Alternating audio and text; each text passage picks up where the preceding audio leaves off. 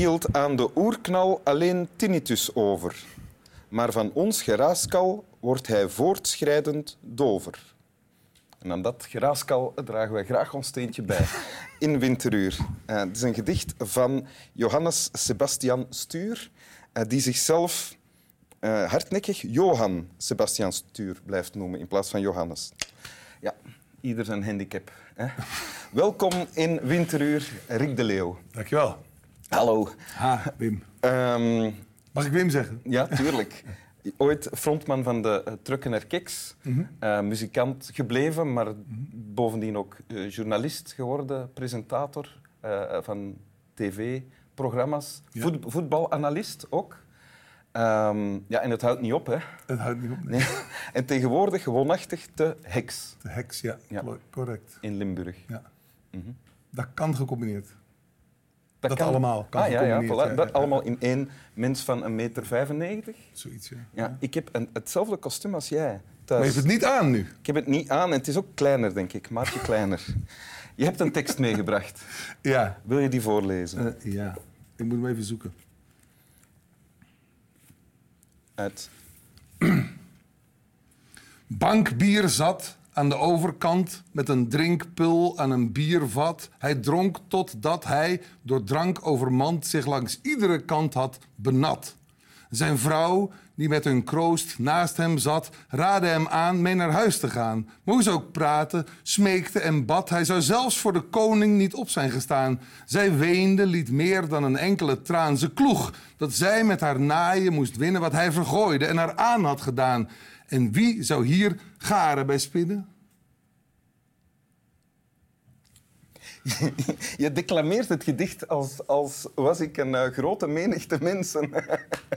Zo is het ook geschreven, denk ik. Het is een, een beetje een, een, een, cliffhanger, want het, het gaat verder namelijk. Mm -hmm. uh, met, met een strofe. Het zijn in totaal 34 strofes. Ja? En dat gehele gedicht, dat heeft eigenlijk mijn, mijn grote liefde.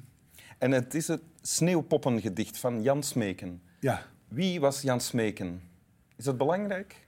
Ja, dat is heel belangrijk. Ja? Uh, Jan Smeken, we weten weinig van hem. We weten dat hij uh, ooit, uh, vanaf 1485, de, de stadsdichter van Brussel is geweest. Tot zijn dood in 1517. Oké. Okay. En dit heeft hij dan geschreven in hoedanigheid van stadsdichter van Brussel. Juist. En het heet Sneeuwpoppengedicht. Waarom een sneeuwpoppengedicht? Wat, wat, uh... Je moet je voorstellen, in, uh, in 1511 uh, was Brussel in de greep van een zeer strenge winter. Uh, het was een kleine ijstijd en Brussel lag economisch gezien volledig stil vanwege de sneeuw en het ijs. En de bevolking had weinig anders te doen dan sneeuwpoppen maken.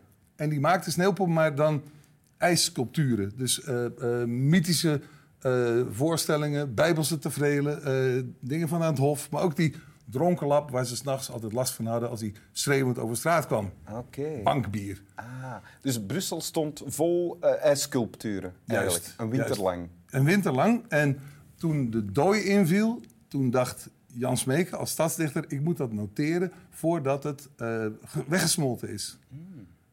En heeft hij gedaan in 34 coupletten. En die, je voelt ook in al die coupletten dat, uh, dat in die tekst alles drupt, alles druipt. Dus die, die bankbier die die desintegreert door de warmte. Ik ben mij Brussel nog aan het voorstellen, vol, uh, vol sneeuwpoppen. Het is wel een fantastisch verhaal, natuurlijk. Ja, meer dan honderd van die sneeuwpoppen. En in wat, die, wat de burgerij toen uh, verbeelde, kan je zien hoe ze over bepaalde dingen dachten. En dat maakt het een interessant gedicht. En hoe... Zeer, het is ook knap geschreven, vrolijk, mooi. Ja. En hoe, hoe kom jij bij deze tekst dan? Ik heb het vertaald vanuit het Middel-Nederlands naar het modern Nederlands. Hmm. Het klonk mij al hedendaagser in de oren dan dat ik denk dat er toen geschreven werd. Ja, ja, precies. Dus... Je hebt het hele gedicht vertaald. Uh, hoeveel coupletten zijn er? 34. Ja? 34 keer 12 regels. Langs het A, B, A, B, B, C, B, C, C, D, C, D rijmschema. Dat is een werkje waar je niet op twee dagen mee klaar was dan? Uh, nee, heb ik de hele zomer van 2007 heb ik uh, verkoeling gevonden bij de sneeuwpoppen van Jan Smeken. En waarom heb je dat gedaan? Ja, hoe begint dat? Um, er was een, een kleine tentoonstelling in Brussel rond die sneeuwpoppen. eh, gebaseerd op eh, de teksten uit dat gedicht. Alleen, dat was redelijk onbegrijpelijk, omdat niemand dat kon lezen. Dus ik, niemand kan dat lezen, dat moet eigenlijk vertaald worden. Zij zei, goed idee, Rick, begin maar. En met behulp van Remco Slijderink, waarmee ik nu ook dit boek geschreven heb... Ja. en is dat redelijk goed gelukt. Dus ik mocht hem bellen als ik iets niet wist. Dus ik heb eigenlijk maandenlang met die mensen aan de telefoon gehangen. Oké. En dan heb je eh, onder andere dit dus eh, vertaald, wat Ja. je net hebt voorgelezen. Ah? Eh, want dit was een, een sculptuur hè? van bankbier Ja, en dronkenlap. Een dronkenlap. Wa- Ja. wa- waarom heb je dit stuk gekozen? En omdat daarin eh, ook zit hoe, die, hoe, die, hoe die, die, die sneeuw en dat smelten zo door die tekst heen loopt. Die, die, die vrouw die weende, die liet meer dan enkele traan. Je ziet overal dat, dat, dat druipende. Die, die had zich, eh, totdat hij door drank overmand zich langs iedere kant, dat benat het. Alles zit daarin. Het is een, een, ehm, een eerbetoon aan zijn schrijfkunst. Ah, ja. En dat is het grappige als je dus maandenlang in zo'n tekst bezig bent. Als je dat, als je dat schrijft, dan gaandeweg leer je eh, hem kennen. Dus ik, ik, Hem, ik- eh, Jan Smeeken. Jan Smeeken, ja. Dus ik kreeg... Hoezo? Wat bedoel je? Hoe leer je hem kennen? Wat- nou, als je maandenlang in zo'n tekst zit, dan ga je zien hoe hij denkt, hoe hij leeft, eh, hoe hij kijkt, hoe hij schrijft. Ah, ja. En gaandeweg leer je iemand kennen. En dat wordt een soort eh, vriend op afstand. Ja? Ja, dus toen, toen dat klaar was in, in, ehm, in 2007, toen heb, heb ik eh, Jan eigenlijk al beloofd... over tien jaar krijg jij een boek. Oh, ja. Dat is toch minste wat, wat je kan doen voor een vriend... die dan 500 jaar eh, geleden gestorven Dus is. je hebt aan je werk wel een vriend van 500 jaar oud overgehouden. Juist. Ah, ja. Is dat, en dat is Jan Smeken dan? Nee, nee, helaas. Nee? Hoezo nee? En van Jan Smeeken zijn geen afbeeldingen. Eh, Ah. Of tenminste, die hebben we niet, die kennen we niet. Maar dit is zijn voorganger, dus de, de, de stadsdichter van Brussel... voordat Jan Smeeken dat werd. Ah ja, ja. Colin Cailleux. En daar hebben we wel een afbeelding van. En ehm, het leuke is, hij heeft een, een, een bril op. Ja. En het geheel doet een beetje denken aan eh Ik Jan Kramer. Het, eh, het openingsboek waar hij op die motor zit met die, met die stofbril. En dit doet er hopelijk net genoeg aan denken dat je die associatie legt. En dus Ik Jan Smeken wil eigenlijk vertellen dat, dat Ik Jan Kramer nooit had kunnen bestaan zonder eh, Jan Smeken als wegbereider. Dat begrijp ik. En Ja. ik heb nog één vraag. Je Mooi. hebt... Ja, fijn.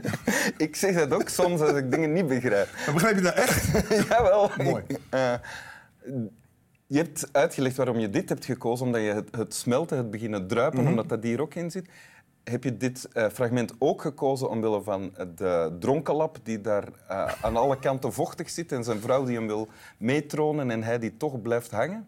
Ehm, het gedicht laat op vele wijzen zien dat de mensheid ehm, door de eeuwen heen eigenlijk eh, weinig verandert. En dat is een, een, een verontrustende gedachte, maar ook een geruststellende. Ja. In, en in dit beeld komt dat wel terug, Ja. denk ik. Wil je het nog eens voorlezen? Eh, ja, ik kan ook de, het, het antwoord van het gedicht voorlezen, maar misschien toch beter deze nog een keer. Eh, Dus, want het is een cliffhanger, hè? Want, ja, maar dan moeten mensen het boek maar kopen en zelf verder lezen. Hè? Toch? Onthoud dat. Is het te koop? Ik denk het wel. Er is tegenwoordig ook een, een audio-uitgave van. Ah, ja. Dus dat het voorgelezen is. Ja. Maar ik zal het nu nog een keertje hier doen. Bankbier zat aan de overkant met een drinkpul aan een biervat. Hij dronk totdat hij door drank overmand zich langs iedere kant had benat. Zijn vrouw, die met een kroost naast hem zat, raadde hem aan mee naar huis te gaan. Ze ook praatte, smeekte en bad, hij zou zelfs voor de koning niet op zijn gestaan. Zij weende, liet meer dan een enkele traan. Ze kloeg dat zij met haar naaien moest winnen wat hij vergooide en haar aan had gedaan. En wie zou hier garen bij spinnen? Benieuwd geworden, hè? Ja.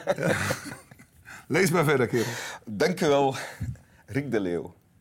Slaap wel, mensen thuis. Slaap wel.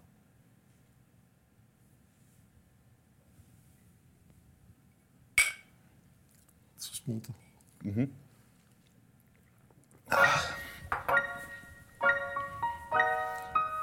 Voilà.